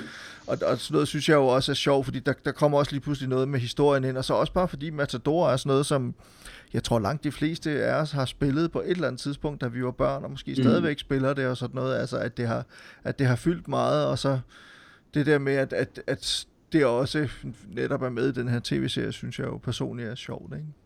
Apropos mm. de der tegneserier, jeg så har begyndt at købe som, og, og kulørte hæfter, som, som, som jeg har opdaget i film eller set i film. Ikke? Øhm, jeg ved ikke, jeg plejer også at spørge om, om, øh, om, øh, om mine gæster, de har, altså hvis du nu skulle komme med et eller to gode råd til øh, nybegynder-samleren derude. Altså, øh, det lyder lidt som om, at, at du har lidt, jeg tror, den samme filosofi, som de fleste andre supersamlere har, at man samler ikke for altså af hensyn til, at, og, fordi det er en god investering, og fordi man vil tjene penge på det. Man samler, fordi det er noget, der gør en glad, og man samler på ting, som man selv kan holde ud og se, og som man selv har stor fornøjelse ved mm. at, at have i sin, i, i sin samling. At, men, men er der andre gode råd, sådan som du vil kunne give? Altså, hvad... Lære at sige nej lød også som om, at det var... ja, det, var og det har jo taget mig, øh, det har taget mig 25 år, tror jeg. Altså, og jeg er stadig, jeg tror, at det tror jeg alle samler i virkeligheden kan, det der med, at man kan, godt, man kan altid blive bedre til noget som menneske generelt. Men som samler, det der med at lære at sige nej, eller lige sove på et eller andet til dagen efter, det, øh, det vil jeg sige, det er altså det, det der med lige at, at trække vejret en ekstra gang, og sådan lige afvente. Men det er også lidt det farlige, for det kan jo være, at det så bliver afsat til anden side. Det må man huske på. Men øh, den, den risiko må man så løbe. Øh, men ellers så tænker jeg, hvis for en ny samler, så vil det da også være, at måske prøve at, at starte med noget, der rent faktisk er til at starte med, måske er forholdsvis opnåeligt, så man får den følelse af, at nu har jeg noget, der er komplet det er altid fedt at have en eller anden form for komplet samling, om det er et øh, klistermærkealbum, så hvor man kan samle de forskellige klistermærker, eller dyre klistermærker, et eller andet, til, til noget andet. Men, øh, men senere så finder man ud af som samler, at det er jo faktisk sjovest at være med i gamet, hvor der er, noget, der er ikke noget, der hedder komplet samling. Fordi du, du vil altid søge noget mere. Nogle gange så ved du ikke, hvad det er, andre gange så ved du det godt. Men det er jo det der, det farlige som samler. Men mit, mit bedste råd vil også være, at de måske lige i virkeligheden også kunne sige nej til nogle ting, eller trække luft ind, eller lige være afvendt omkring det. Øh, men det har så også taget mig et kvart århundrede at finde ud af, ikke? Også fordi, at jeg tror, at samlere af natur er mennesker, det er nemmere, eller ikke nemmere at forføre, men vi bliver forført, og vi bliver begejstrede, når, mm. når det er noget, vi noget af det, vi samler på, og vi virkelig holder af, og, og derfor vil vi også ofte gå meget langt, og, og, og derfor kan man også skubbe til os, om jeg så må sige, og påvirke os, mm. og, og vi er netop fordi vi er nemmere at begejstre, så i, i, i den slags sammenhænge, så kan det også være svært nogle gange at holde det der pokerfjes og sige nej, for eksempel, ikke? ja, ja, det er rigtigt, det er rigtigt. Øhm, ja, men og så tror jeg også, det der, altså jeg vil sige til andre samlere, så tror jeg faktisk, det der, altså i det, til, til nuværende hardcore samlere, øh, noget af den største øvelse, måske virkelig også for dig Christian, det er at, øh, at kigge på en samling og så spørge en, hvad gør en glad, og er der noget, der er overflødigt? Altså helt seriøst, altså, og så spørger, er der noget, jeg reelt godt kunne skille mig af med, som kunne give en, en, en oprigtig lykkefølelse et andet sted, hvor i jeres, eller i en samling, der er den måske bare lidt ekstra fyldt. Enormt stor, øh, altså, det er enormt stor øvelse, fordi det er super svært at skille sig af med noget, når man er samler jo, det er klart, men, øh, men det der med at spørge reelt, kig på de ting, man har, til, giver den her mig en oprigtig glæde? Eller er det, eller er det sådan, fordi reelt kunne den hmm, følelse måske være en oprigtig glæde for den anden samler. Men det sjove er, det, det sjove er, det er jo også, at du, du har fuldstændig ret, men det sjove er også, det kan, det kan også være et farligt spørgsmål, ikke? Altså, hvor man pludselig går op for en, at, at, øh, at, at, at okay, måske skulle jeg i virkeligheden ikke have samlet på det her, for eksempel, og så skaffer mm. man sig af med hele skidtet, hvad ved jeg. Altså, jeg, jeg tror også, det er sådan nogle gange, det der, man, man som samler be, balancerer lidt på en knivsæg i forhold til, hvad skal vi sige, fornuften, eller, eller øh, øh, hvad vi nu skal kalde det, i det, man laver, eller det, man samler på. Altså, at, ja. at der er der er sådan en hårfin grænse imellem ja, fornuft og vanvid, og, kan man sige. Ikke? Mm. Præcis, og jeg skal selvfølgelig ikke opfordre til, at man sælger ud af sin samling, men altså, det er slet ikke der, jeg Altså, jeg har da også øh, en, der gjorde rigtig ondt på mig. Det, det var, da jeg, i det der skiltelot, jeg nævnte tidligere, der, øh, der var der et skilt, der hed Kahytten der stod Kahytten på. Og jeg tænkte, det kunne jeg ikke lige lokalisere, så jeg tænkte, så lad os få ryddet op og solgt ud. Og så var der en, øh, en ung herre, som gerne ville købe det. Øh, hvis forældre, jeg mindes han havde, øh, det var til hans forældre, de havde et sommerhus, som blev kaldt Kahytten. Og øh, jeg tror, at det lå i Sverige, synes jeg, han sagde. Så det ville han gerne købe, og han gav ikke mere end 300-400 kroner for sådan en træskilt. Og så gik der ikke mere end et par måneder, og så så jeg nogle stills bag om sømænd og svigermøder med et billede, hvor Ben Christensen, Øh, filminstruktøren, og øh, Kjeld Petersen og Dirk, de kigger ud af et vindue, og op over det vindue, der står, der, der er skiltet Kahytten, og det var det skilt. Der, der var ingen tvivl. Det blev jeg selvfølgelig sådan lidt, satans. Men altså, ikke desto mindre, det er jo en læring til mig, og, og, øh, og jeg er bare nødt til at tænke, at det er måske i virkeligheden, har du det rigtige sted alligevel, fordi der er nogen, der har rigtig stor betydning. Det, der så bare er super ærgerligt, det er, at jeg ved, øh, jeg kunne ikke finde vedkommendes øh, kontaktoplysninger, for så ville jeg jo have givet den info videre. Det har jo været lidt en kuriositet at kunne sige, ikke? Men, øh, men ja, mm. så der hænger et kahyttenskilt et eller andet sted med måske en ufortalt historie. Danny Jørgensen, øh, jeg tror, vi er ved at være nået til vejs ende, eller vi kunne sikkert godt blive ved med at snakke, men, men jeg, tror, vi, ja. jeg tror, vi stopper for nu, så tusind tak, fordi du øh, ville være med. Tak, fordi jeg måtte være med. Det var en stor fornøjelse, øh, Danny. Tak for det, og, og tak til jer også, der, der lytter derude. Øh, igen, det er, det er skide sjovt at lave, og det, det øh, er også med til at gør mig klogere på, hvad det vil være, hvad det vil sige at være samler, og hvad det er for nogle mekanismer, øh, vi samler, vi slås med, og hvad det er, der rører sig inde i os, og i øvrigt også altså i det hele taget omkring metodik og sådan nogle ting, og det som Danny lige snakkede om her, at man en gang imellem lige måske øh, øh, laver sådan en, en, en, øh, en status på sin samling og finde ud af, om man nu også har brug for det hele. Det tør jeg ikke selv personligt at gøre, men, men opfordringen skal da være givet videre, fordi det kunne jo godt være, at man kunne lære et eller andet og blive lidt klogere på det. Øh, og måske også få strammet lidt op og få øh, hvad skal vi sige, trimmet sin samling lidt, fordi det er også noget af det, som, som, øh, som jeg tror også fremgår af mange af de her øh, afsnit af, af samlerne, som jeg har lavet, at, at det er meget nemt at, at komme til at, at brede sig meget ud og samle på alt for mange ting, og på den måde kan det blive fuldstændig uoverskueligt, og den der hårfine grænse mellem at være samler og hårder, den kan pludselig blive, øh, blive svær at, og, og, og, og skælne. imellem. Men øh, i hvert fald tak, fordi I lytter med. Skulle I have lyst til at gå ind der, hvor I nogle gange lytter til, til den her podcast, om det så er øh, Spotify eller hvad hedder det, øh, øh, ja, hvor pokker man nu ellers lytter til den slags øh, SoundCloud eller på iTunes og give øh, mig en anmeldelse eller en rating, så vil jeg da være utrolig glad for det, og helst ikke under 5 stjerner. Tak, for lytte, tak fordi I lytter med, og vi hører snart ved igen. Hej hej. Og